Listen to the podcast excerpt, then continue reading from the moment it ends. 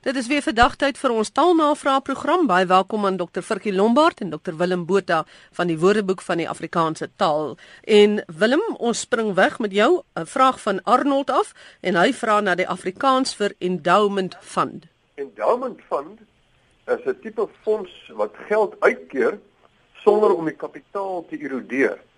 So slegs die opbrengs of 'n persentasie van die opbrengs word uitgekeer. Nou in Afrikaans is daar wel 'n term daarvoor, naamlik begiftigingsfonds. Nou dit is bietjie verouderd, want dit is die amptelike term, maar wat ook beeste aanvaarbaar is, is 'n skenkingsfonds. So my voorstel aan Arnold is skenkingsfonds. Daar's ook 'n ander term, uitkeerfonds of 'n uitkeringsfonds, maar dit is bietjie dubbelsinnig. Dit bots nou met 'n uitkeerpolis of 'n uitkeringspolis. So ons voorstel is 'n skenkingsfonds naas die verouderde begiftigingsfonds. Dit is nou tipies wat jy by 'n stigting sal gebruik of by 'n beursfonds wat jy net 'n gedeelte van die opbrengs uitkeer. Goed Frikkie, ons gaan na jou toe Wiek Hamilton Atwell vra wat die verskil is tussen kurwe en kromme. Toe hy op universiteit was, het die professor genoem dat 'n kromme na 'n grafiek verwys en 'n kurwe na die lyne van 'n dame se lyf.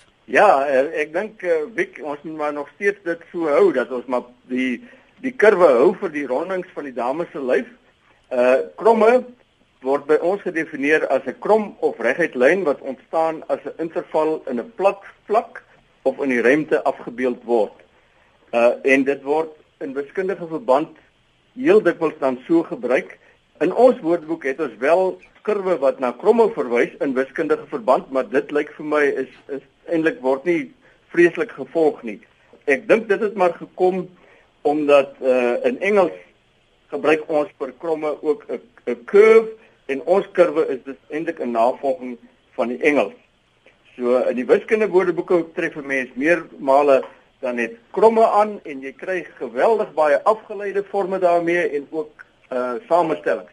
Afgeleide uh, kromme of afgeplatte kromme of empiriese kromme of 'n kromme van gous of geslote of gebronge of gladde kromme, die kry ons alles dubbelkromme, foute kromme, frekwensiekromme, geluidskromme, getuikromme en dergelike. Kromme is dus die aangewese een wat gebruik word wanneer ons met uh, wiskunde werk en nie kurwe nie. Hier is nou 'n vraag oor vreeslik en verskriklik en dit is Christo Viljoen van Stellenbosch. En ek dink wat hy probeer sê is dat vreeslik en verskriklik, daardie woorde op hulle eie het 'n negatiewe betekenis vir hom, maar sodra dit gebruik word met iets anders, dan is dit asof dit in 'n positiewe sin gebruik word. Jy sê byvoorbeeld vreeslik lief of iemand is verskriklik vrygewig. Verduidelik gou daardie storie. Ja, Magdalene, um, hy sê vir hom het vreeslik en verskriklike negatiewe 'n konnotasie. En uh, terwyl vreeslik eintlik beteken dis iets wat vir jou wat vrees by jou inboesem, verskriklik beteken dis iets wat jou verskrik en die die tipiese of die oorspronklike gebruik van die woorde sou wees dit was 'n vreeslike nag op see, dan was baie vrees betrokke of hy het 'n verskriklike angs ervaar wat dan nou iets is wat jou verskrik. Maar ons het hier te doen met betekenis uitbreiding vreeslik of verskriklik. Vandag kan eenvoudig net 'n baie algemene betekenis hê van baie of in 'n erge mate. So kan jy vreeslik bly, opgewonde of liefdevol wees, ook verskriklik bly, opgewonde of liefdevol. Positiewe ervarings, maar dit kan ook iets negatiefs uitdruk, soos vreeslik of verskriklik skelm of korrup. Daar beteken dit net eenvoudig baie. Maar die die beste voorbeeld van hierdie tipe betekenisuitbreiding wat woorde ondergaan is die woord fantasties. Oorspronklik het fantasties beteken soos 'n fantasie of onwerklik. Ek herinner myself 'n sin in seën van 'n juffrou se roman Somer wat min of meer soos volg lei: Die muur gooi fantastiese skaduwees teen die muur. Met ander woorde, die skaduwees op die muur wat weer kaarts van die vuur af lyk onwerklik. Dit sê nou maar mensefigure of draakfigure, ehm um, iets bo werklik, iets onrealisties. Fantasties natuurlik het nog verdere betekenis uitbreiding ondergaan as vreeslik en verskriklik. Dit het 'n totale oop betekenis gekry. So jy kan enige iets met die byvoeglike naam fantasties beskryf. Jy kan praat van 'n fantastiese skoen, dan is dit gemaklik. 'n Fantastiese huis, dan is die huis lyks of mooi, 'n uitsig kan fantasties wees, of jy kan van iemand sê jy is fantasties. En dan bedoel jy nie hy of sy is onwerklik nie. Is daar, maar dit is net wonderlik. Jy kry tot iets soos die heuwels fantasties, die Afrikaanse rockgroep. So fantasties is die voorbeeld van betekenisuitbreiding wat daartoe gelei het dat fantastiese heeltemal 'n oop betekenis gekry het. Die volgende vraag Elsa vra dat ons 'n bietjie gesels oor die woord koliek. En Frikkie, ek dink jy kan dit vir ons beantwoord. Koliek gebruik ons gewoonlik wanneer daar 'n plotselinge kragagtige snydende pyn in die buik voorkom en dit is dan gewoonlik in of naby die kolon en dit kan wees as gevolg van 'n hele aantal uiteenlopende oorsake Uh by die mense is dit dikwels deur plotselinge sterk samentrekkings van die gladde spierweefsel in die ja, wande van 'n hol orgaan soos die dermkanaal of die galblaas of galbuise of die urineweë. By diere, veral perde kry ons ook so pyn of siekte toestand wat veroorsaak word deur veranderings in organe van die buikholte soos die pensuitsetting wat jy kry as gevolg van oorvreting of 'n opblaas van die maag uh wat teweeggebring word deur abnormale gisting van voedsel of die soort van ding. En koliek gaan terug na die Frans koliek en dit as jy dit verder wil terugneem kry dit ook in Latyn natuurlik kolikos en uh ook in Grieks kolikos en dit beteken dan maar net wat betrekking het op die kolon op daardie gedeelte van die dikdarm waar hierdie pyne dikwels gemanifesteer het. Gert Kreer van Pretoria vra waar kom die uitdrukking aan die agterspeensuig vandaan? Willem, antwoord vir ons. Ja, Gert sê heeltemal reg dat aan die agterspeensuig beteken tog om middelgoed daaraan toe te wees om afgeskeep te word om 'n slegte bedeling te kry dat ander bo jou bevoordeel word en hy sê hy het op 'n melkplaas groot geword en uh, volgens sy ondervinding maak die uitdrukking nie sin nie hy verwys na koeie hy sê 'n koe se agterste spene het meer melk as die voorste spene. So die kalfies wat agtersuig het 'n groot voordeel. Hulle kry meer melk. Die agterspene is ook groter en soos hy sê dan het die kalfies meer suig. Hulle het meer suigplek. Nou, dit kan wees gerd dat hierdie uitdrukking uit blote onkunde geskep is of wat miskien meer waarskynlik is, dit verwys na varke. Dit gaan oor die wêreld van die vark en nie van die koei nie. 'n Sog kan tot 14 tepels sê of 14 spene dan en die melk raak minder van die voorste na die agterste speen. Die varkies stoei dan om by die voorste tepels uit te kom en die sterkste varkies wen natuurlik elke keer en hulle word net sterker omdat hulle meer melk kry. En die ou swakketjies ontwikkel stadiger omdat hulle elke keer aan die agterste spene moet suig. Nou as jy as jy varke teel sê hulle dan skuif hulle die varkies rond. Dan vat hulle al die kleintjies wat nou in die agterste spene gesuig het en hulle isoleer een sog en hulle gee al die kleintjies vir daai sog totdat hulle nou weer sterketjies en swakketjies het. En dan vat hulle weer al die kleintjies en hulle sit dit weer vir 'n nuwe sog tot almal 'n beurt gehad het om in die voorste spene te suig en lekker sterk vet varkies geword het. En die volgende een gaan ook oor die herkoms van 'n woord en dis vir my nogal interessant hoe baie vrae ons kry oor die herkoms van woorde. Dis nogal iets wat lyk dit vir my uh, baie belangstelling by ons luisteraars uitlok. So Frikkie, Gert van Buffelsbaai vra na die herkoms van krokodil. Ja, ek dink uh, ek dink ook jy is uh, heeltemal reg daar Magdalene want uh, die herkoms van woorde is 'n uh, gewone veld wat mense geweldig interesseer en dis ook lekker vir ons om die soort vrae te antwoord. Nou krokodil gerd kom van uit die Grieks uit kroke en daardie kroke is klippe of spoelklippies of rotsies plus drie los en dit beteken wurm. Met ander woorde 'n krokodil oorspronklik was eintlik 'n klipwurm volgens die Grieke en dit is maar na aanleiding van die gewoonte wat hierdie koudbloedige reptiel het om op warm plekke te loop lê sodat die hy bietjie kan energie kry op die manier. Nou heng so groot 'n gevaarlike wurm sou ek sê. Willem, uh, eers weer 'n vraag na jou kant toe. Tom McLaughlin van Pretoria het kommentaar gelewer op ons bespreking van 'n luisteraarsvraag oor roekelose en nalatige bestuur. Nou so 'n hele paar programme terug het ons dit hanteer.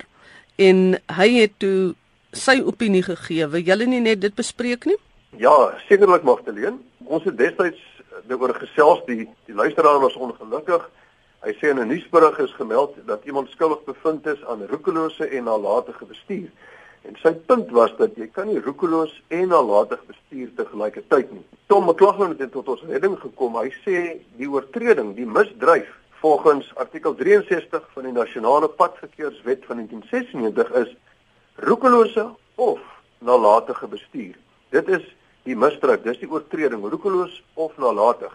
En afhangende van wat jy nou gedoen het, word jy dan nou gevonnis of vir roekelose bestuur of van nalatige bestuur. Nou roekelose bestuur word soos volg gedefinieer: iemand bestuur roekeloos as daardie persoon met opsetlike of moedswillige veronagsaming van die veiligheid van persone of eiendom bestuur. Dan bestuur jy roekeloos. Nalatig vind ek nie in die wet nie, maar dit is wanneer jy nalat om iets te doen bloot uit agteloosheid of omdat jy nie met ag bestuur nie. Nou Die straf is ook 'n aanduiding daarvan of jy nou vir roekelose bestuur of nalatige bestuur gestraf word.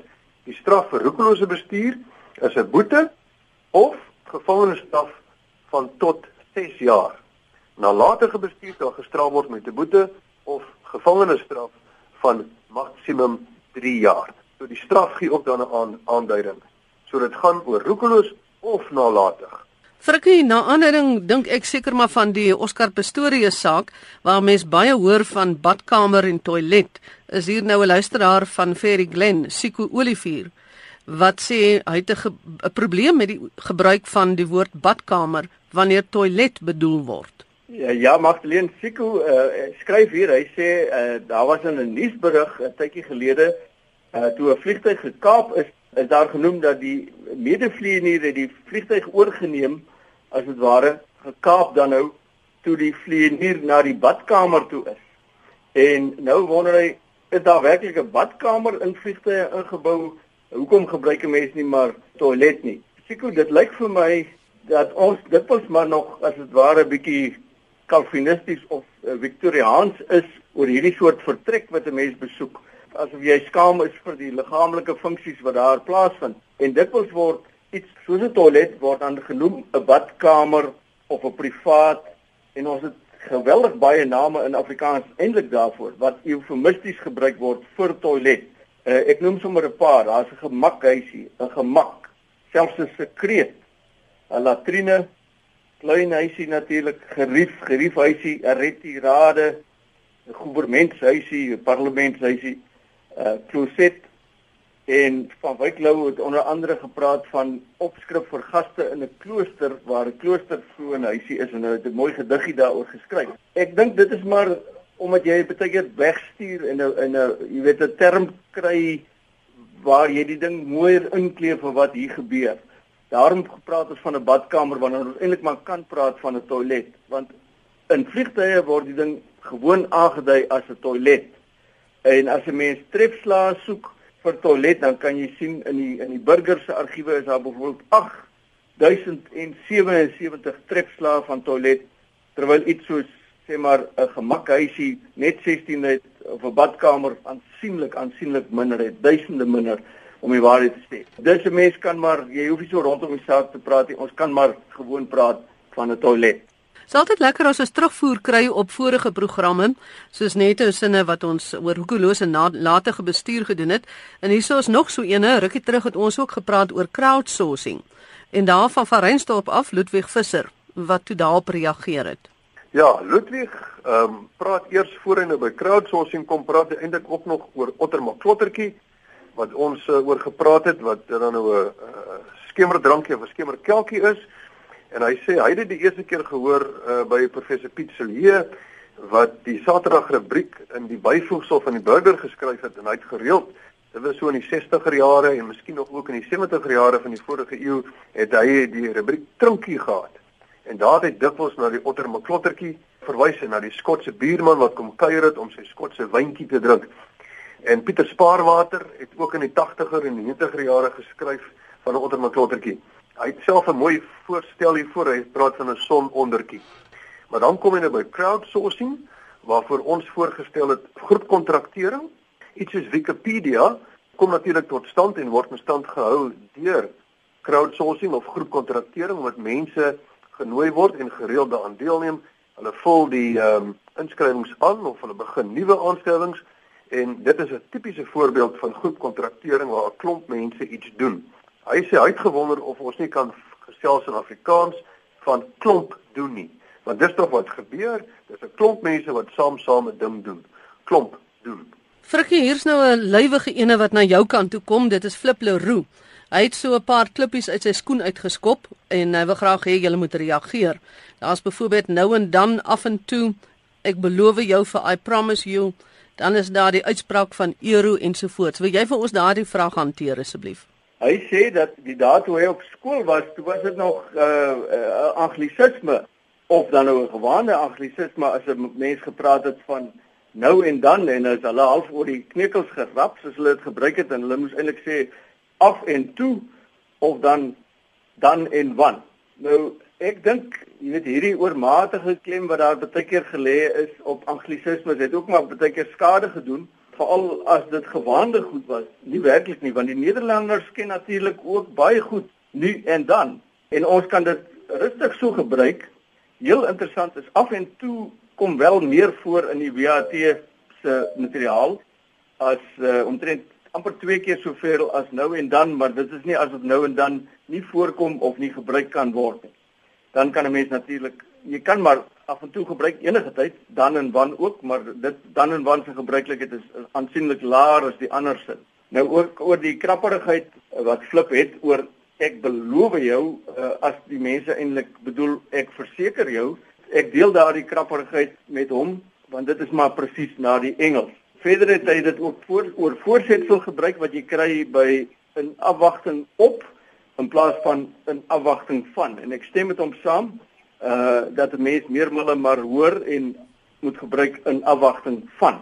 Nog 'n dingetjie wat uh flip 'n bietjie pla is dat 'n mens hoor daar word gepraat van euros as jy maar net van die geldeenheid van oorsee praat. Nou ons weet die Europeërs as hulle Engels sprekend is dan praat hulle van 'n euro soos hulle ook sê Europe. Die Duitsers sê daarvoor ook euro, maar in Afrikaans praat ons van Europa en ons sê ook maar gewoon euro. Dit is die uitspraak wat ons behoort te gebruik. Nog iets wat flip aanroer is hy, hy hoor baie keer dat mense ontruim moet word uit 'n uh, jy weet dat die mense ontruim word, maar dit behoort volgens hom te wees dat 'n gebied ontruim word of 'n gebou ontruim word of 'n saal ontruim word en hy het heeltemal gelyk as ons kyk na wat in die WAT staan oor ontruim dan se telkens dat die gebied is ontruim, hulle moes die woning ontruim, hulle moes huise ontruim eh, ensovoorts of die terminaal ontruim. Uh, dit is heeltemal in orde so, dit is soos dit ook gebruik behoort te word. Ongelukkig moet 'n mens nou sê flip dat dit meermale deesdae so kom dat ons nie meer lekker agslaan op die juiste en korrekte gebruik van woorde nie en dan loop dit goed sommer de mekaar. Iets wat hy ook uitwys by die gebruik van oortuig en oorreed. Hy sê dat 'n mens sou dink dat jy oortuig gebruik om iemand te laat glo soos wat jy glo en jy oorreed iemand om te maak soos wat jy wil maak. Ek oorreed hom om saam met die met die uh, na my met die konsert toe te gaan maar ek oortuig hom om vir 'n party te stem wat ek ook voorstem, die soort van ding. En die klein onderskeidjies word nie altyd so lekker gehandhaaf nie. Hy laat hom dan ook positief uit oor ander dinge. Dit is uh, onder andere oor 'n fluistervink. Dit is nou uh, of of ek ek dink hy het eintlik gebruik 'n fluitjie blaser. Ons praat ook van 'n fluistervink wat nogal vir my netjies is. Dit is dan iemand wat as ware soos 'n skeieregter bereid is om sy stem te laat hoor waar daar sê maar korrupsie is en jy dit dan aan die kaak wil stel. Dan praat ons van so iemand as 'n fluitjieblaser of 'n fluistervink. En dan het hy ook mede-kollegas wat hy daar noem iets wat vir my ook altyd irriteer. Ja, ek het gedink ons moet maar 'n paar weglaat, maar dit is heeltemal reg. Dit is 'n soort vorm van pleonasme wat ons noem woordoortolligheid. Dit is wat tipies wat jy ook kry by iets soos weer herhaal, terwyl herhaal reeds beteken dat jy iets weer doen. Uh en en jou kollegas is reeds mense met wie jy saamwerk. Dit is nie nodig om te praat van mede-kollegas nie. Ons moet tog bietjie nou lettend raak oor hoe ons taal gebruik. Daai kol van kollega beteken juis saam. So dis die ouens saam met jou. Dis klare versamelnaam vir vir die mense wat saam met jou werk. Net soos wat kweekskool altyd uh, vir my ook 'n probleem is as mense sê teologiese kweekskool, sover ek dit het, is 'n kweekskool juis 'n plek waar teologie gedoseer word. Hmm, dit is waarskynlik so. Hulle praat ook van teologiese seminarium. Goed op hierdie noot moet ons eers sluit vir vandag se taalnavraag. Baie dankie vir almal wat ingestuur het. 'n Klompie interessante navrae gewees. Dankie ook aan Dr Willem Botha en Dr Frikkie Lombard. Magdalene Creer. Groet tot 'n volgende keer.